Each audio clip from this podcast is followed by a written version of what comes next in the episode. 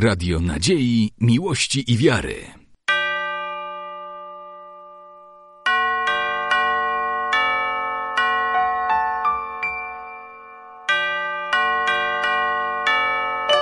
Radio Ortodoksja. Телеканал «Союз» известен для многих православных христиан не только России, Польши, но и Украины и Беларуси. Сколько лет он уже вещает? То есть сейчас каналу 14, можно сказать, с половиной лет. Меня зовут Артем Махакеев, являюсь руководителем Восточноевропейского бюро телеканала «Союз». Это такой возраст, уже телеканал, можно сказать, вышел из подросткового возраста, э, возмужал за эти годы. И э, вот уже, наверное, э, с... и вот, наверное, уже 9 лет почти 9 лет, как мы освещаем э, православную Польшу, то есть это Подлясье, Холмщина, а также э, жизнь православных епархий э, по всей стране, можно сказать, по всей Польше, но, конечно, в большей степени это Подлясье. Ну, я так понимаю, главный офис находится в Екатеринбурге, а вы являетесь как бы филией, сотрудничаете? Да, у нас в представительство телеканала, мы называемся Восточноевропейское бюро телеканала «Союз». Но, может, это несколько условное обозначение восточноевропейское, поскольку мы снимаем не только в Польше и не только в странах ближнего для России для Беларуси зарубежья, ну, также и по всей Европе, ну, конечно, в меньшей степени. Часто съемки идут и в Греции, на Святой горе Афон уже раз пять снимали. На Святой горе Афон пять раз были в командировках. И также ну, практически вся Европа до Испании, наверное, Испания это был самый западный рубеж. А как долго вы являетесь сотрудником? С 2011 года я предложил Э, руководство телеканала как раз-таки э, освещать православную жизнь в Польше. До этого я работал на э, белорусском государственном телевидении, вел программу православных новостей Беларуси.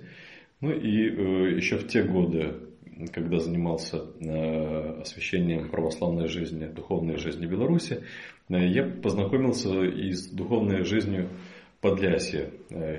Вот впервые побывал здесь как журналист еще как журналист телевидения в 2007 году, но еще до этого, наверное, первый раз в 2000 году, может быть, в 2001, э, я здесь э, паломничал, можно сказать, ну и был в качестве радиожурналиста, э, принимал участие в Пилгжинке, которая выходила из Белостока и шла в Заблудов тогда с мощами младенца мученика Гавриила вот, со второго на третье мы беседуем сейчас в монастыре э, в Зверках, э, Рождество Богородичном. А тогда я помню, здесь была просто огороженная такая э, территория с крестом. То есть вот впервые я увидел монастырь, прообраз монастыря, тогда просто была такая оградка, и здесь молодежь отдыхала на пути в заблудов. А вы работаете в паре с кем-то или сам? Сейчас, освещая Польшу для Союза. Работаю в основном э, в паре с э, телеоператором Матвеем Родовым. Э, кто нас знает, уже привыкли нас видеть вдвоем. Но очень часто получается так, что есть съемки в Беларуси, и я прошу Матвея снять что-то в Минске или в других городах Беларуси, а сам уже приезжаю сюда и в качестве журналиста, и в качестве телеоператора. То есть совмещаю. А кто решает, о чем вы будете делать репортаж? Как правило, или нас приглашают на какие-то события, или я смотрю э, анонсы э, или на сайте церкви ПЛ, или на э, официальном сайте Польской Православной Церкви, или расспрашиваю, можно сказать, и владык, и тех, кто занимается духовно-просветительской деятельностью, помимо такой приходской жизни. Ты стараюсь как бы зондировать да, э, события наиболее интересные стараемся приехать и снять. А как выглядит изнутри создание одной телепередачи? Нельзя сказать, что вот в полном смысле слова мы готовим телепередачи. В основном это э, такие репортажи, информационные репортажи для э, информационных выпусков, то есть для новостей. Э, это, как правило, от 3 до 4 минут такие небольшие материалы. Вот. Но иногда мы записываем э, материал немного другого формата. Это интервью с архипастырями, э, с владыками. Ну, там беседы уже, как правило, мы записываем или в епархиях, или в храмах, то есть или в епархиальных центрах, или в храмах. И уже если есть возможность показать, о чем мы говорим наглядно. То есть, если у нас съемки э, конкретные с каких-то мест событий, с праздников, э, э, о которых мы разговариваем с владыками, то мы стараемся перекрывать наш разговор этой картинкой, чтобы зрителю было, скажем так, он не смотрел на говорящие головы, грубо говоря, а видел реально, о чем, о чем речь. А самые забавные случаи, которые с вами случались во время съемок? Не вспомните. Сложно сказать, но... Может, где-то кот выскочил камеру. Нет, интересных случаев полно. Не сказать, что это каждая съемка с какими-то такими вот запоминающимися смешными такими событиями. Но бывает так, что вот берешь какое-нибудь интервью и может какая-нибудь бабушка подойти и сказать, или собеседнику, или было их там, а я вас видела, вот, очень приятно вас услышать. Ну, это в процессе интервью бывает такое, ну, мы стараемся э, со зрителями, э, ну, ну, скажем, да, даже если вот в ходе интервью там к нам подходит, э, пытаемся так не, не, не, не отталкивать, потому что, ну, бывает так беседуем, и не, не видно сразу, что мы записываем интервью, да, камера может чуть-чуть в сторонке стоять, вот, ну, такие случаи, чтобы там кот или собака или там что-то еще, вроде бы такого ничего не было, но один раз, один раз был случай, правда не здесь, а, а в Беларуси, мы беседовали, беседовали, вот, а оказалось, что камера упала, вокруг толпа людей была, и, и, и мы слышали, что это что-то грохнулось, да. Потом смотрим, что это наша камера лежит. Ну, просто кто-то задел штатив. А, снимали на длинном фокусе, так называемом. То есть камера чуть-чуть в сторонке была. И вот. Но интервью в итоге сохранилось, слава богу, да. Хотя бы половина там, насколько я помню. А что самое трудное в вашей работе?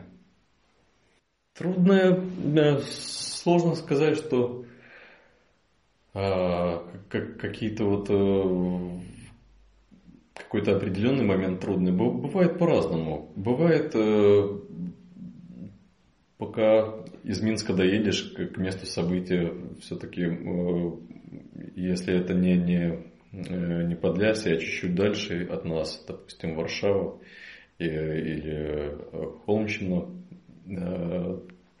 Просто вот усталость может быть от дороги какая-то, но это все силы очень быстро можно восстановить. А, так, определенного рода трудностей. Ну, это, это обычная работа журналиста. То есть, если бы я снимал какие-то другие события, может было бы еще и, и, и тяжелее что-то. Потому что здесь э, ты чувствуешь какую-то подпитку все-таки духовную, э, когда снимаешь э, на службах, общаешься с воцерковленными людьми, людьми, которые посвятили свою жизнь служению церкви, это и тебя мотивирует сделать э, хороший материал, и э, тогда никаких таких вот э, трудностей, сложностей не возникает. То есть у тебя наоборот какая-то дополнительная мотивация. То есть работа, ты понимаешь, что, что в каком ключе это можно подать, что это надо допустим, для российского зрителя э, показать какие-то особенности э, польского православия. И э, если ты знаешь эту тему, то это несложно. А что самое приятное в вашей работе? на ваш взгляд? Наверное, это общение с людьми. Как я сказал, вот э, когда общаешься с людьми, которые посвятили свою жизнь служению церкви, и это не обязательно могут быть вот духовные лица, не обязательно священники или владыки, а, а обычные прихожане, э, которые, э, ну скажем, несут свое служение церкви, может, через организацию каких-то просветительских проектов или через э, работу с молодежью. Э, и общаясь с такими людьми, понимая, что есть о чем рассказывать, э, даже если нет событий, то есть люди, о которых можно рассказывать бесконечно, скажем так. А сколько приблизительно надо отснять материала, чтобы вышло 5 минут новостей? Ну, если говорить о пятиминутном репортаже хорошем, то э, в среднем это примерно больше часа съемочного материала, может полтора часа. Хотя можно, конечно, уложиться и, и, и, в, э, и, и в час, смотря что снимать. Если это э, какое-то церковное торжество, то бывает и снимаешь проповедь или там э, приветствие нескольких владык, почетных гостей. Это может само по себе занять там и полчаса, и больше. Еще плюс интервью, еще плюс э, непосредственно э, съемки службы, э, съемки крестного хода. Там может быть и больше, чем полтора часа. То есть все зависит от, от ну, в том числе от длительности проповеди и приветственных речей. У нас на Союзе мы такие длинные материалы э, не можем э, выдавать, потому что слишком много новостей, а новостной выпуск, кроме итоговых, длится 25 минут. То есть нас просят делать материал 3,5 минутки, не больше. Вот. Ну, для 3,5 минутного сюжета 40 минут съемок вполне достаточно. А сколько еще монтируете все это? День-два? Вот. Нет, сам монтаж он занимает по времени Немного. Э, примерно часа, вот если на три с половиной минуты, часа полтора, как правило, не больше. То есть это с начиткой сюжета, это с составлением уже так называемой рыбы, то есть чередование начитки плюс интервью, а потом уже это все перекрывать э, видеокадрами. Ну, это можно и за час управиться иногда, можно там чуть-чуть дольше, если отвлекаться. Ну, э, больше, наверное, занимает по времени процесс. Э, во-первых, надо отслушать материал, э, написать текст. И это вот, наверное, самое, ну, если говорить, это такие технические моменты, конечно. Но по времени, наверное, вот эти, э, э, этот вид деятельности занимает самое большое э, то есть самое большое время как раз занимает вот этот вид деятельности. Отслушивание материала плюс написание текста. Yes. Монтаж это уже намного проще, быстрее. А вы снимаете на одну камеру или на несколько? Ну, э, бывает, если мы с телеоператором э, вдвоем приезжаем, то я снимаю иногда на вторую камеру если там важные события. Если мы пишем какое-то интервью с, для программы Архипастри с владыками, там и две, и три камеры. То есть э, беседа на одну камеру невозможно снять. Это очень, очень, э, скажем так, нельзя смотреть э, беседу, где постоянно вот, в кадре нет движения, скажем так. Лучше интервью снять двумя, а лучше еще тремя камерами. Сейчас модно снимать с дрона. Вы тоже пользуетесь этим? Да, да. Не помню, это в прошлом году или в поза... Наверное, полтора года назад э, у нас появился дрон. Э, вот, и нам удалось отснять очень э, многие церковные торжества в Польше с дрона. То есть Конечно, дрон э, позволяет э, показать масштаб события, показать красоту местности, красоту храмов, монастырей, это совершенно другой уровень, скажем, итогового материала получается. А есть ли в эфирной сетке место для детских или юношеских программ?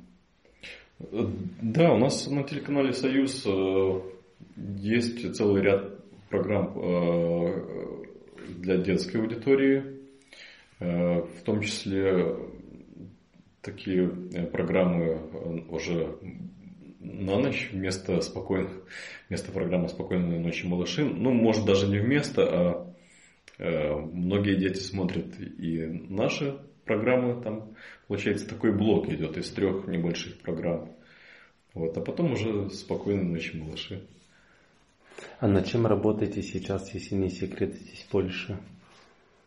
Сейчас идет э, обычная работа э, по созданию репортажей э, с, с торжеств, э, также с, с некоторых событий. То есть обычная, можно сказать, рутинная работа. Но есть один замысел э, поучаствовать, возможно, предоставится возможность поучаствовать в телепроекте, посвященном историческим осмыслению исторических событий, осмыслению Брестской унии и противодействию э, православных.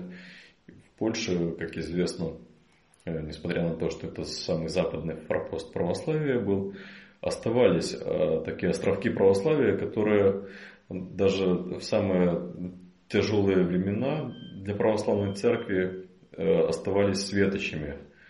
Это и Блачинская обитель, это и маленькие обители которые были основаны э, супросельскими монахами, которые ушли после того, как монастырь был занят э, униатами. То есть, э, возможно, э, пока об этом может рано говорить, э, но, возможно, один из проектов будет посвящен осмыслению э, так называемого Замойского собора. Замойский собор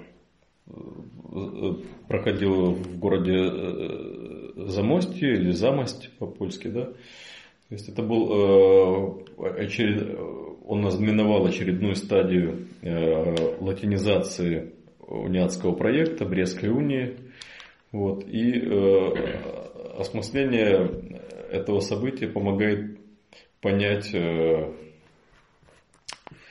Э, помогает понять, э, что из себя представляла уния, э, какой вред она нанесла населению, какой вред она, какой вред она нанесла жителям вот этих западных окраин исторической Руси.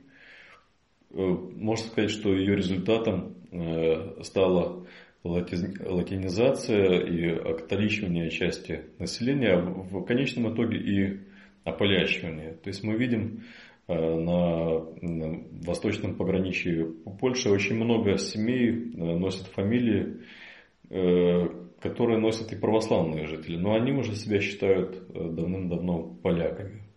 То есть вот конечная, скажем, и самое трагическое, э, самый трагический итог Брестской унии это было ополячивание народа.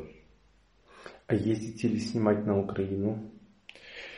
Э, наш телеканал сотрудничает с рядом православных журналистов, э, и, которые работают и в Киеве, и в других городах. Также очень сильно представлена Одесская метрополия. То есть Украина э, на нашем телеканале имеет, э, то есть Украина на нашем телеканале освещается. И э, стоит отметить, что Союз, мы стараемся показывать события без какой-то политической ангажированности, предвзятости. Мы показываем духовную сторону событий. Но, к сожалению, для православной церкви Украины в последние десятилетия э, православные переживают очень трудные времена, но, как я понимаю, после смены власти наступил какой-то период э, облегчения. Будем надеяться, что православным станет жить свободнее, ну, будем возлагать свои упование прежде всего на Бога. Вы вспоминали исторические темы, хотите поднять, осветить. Здесь рядом есть Заблудов город. Когда-то э, сюда приехал Иоанн Федоров с Москвы бежал. Э, книга-печатник вместе с типографией. И в Заблудове был издан «Апостол». Э, будете ли вы, есть ли в планах вас сделать репортаж об этом событии? Я думаю, что вполне, э, потому что есть еще одна связующая нить э, с, именно с нашим представительством белорусским, поскольку Иван Федоров, скорее всего, был уроженцем белорусской земли, а именно Витебщины. У нас он известен под фамилией Федорович. То есть Федоров это одна из вариаций. Скорее всего, его отца звали Федор. Может быть, это был род, э, который по-разному на написание этого рода э, фиксировалось у нас и в Москве. И, конечно, эта связь очень интересная, потому что Заблудов, как известно, это был центр, э, княжеский центр рода Хаткевичей, Э, рода, который э, очень много сделал для православия, прежде всего это строительство э, Супроследского монастыря. Конечно, род, как известно, не устоял в православии, и это тоже, вот, если возвращаться к, к историческим судьбам нашего народа, и белорусского, украинского, поскольку здесь ну, наверное, такого разделения раньше не было на белорусов, украинцев, да. То есть местные люди себя чувствовали, наверное, чувствовали и помнили всегда, что они э, русского корня, не в смысле российского, да, а, а корня, который э, возрастает, восходит э, к крещению наших народов, к крещению наших предков в Киеве. И Конечно, Заблудов это такое знаковое место для всей нашей восточнославянской цивилизации. Ваши пожелания э, для э, телезрителей канала «Союз», проживающих здесь, в Польше? Пожелание самое э, обычное, прежде всего, многих лет здоровой духовной жизни. Radio nadziei, miłości i wiary.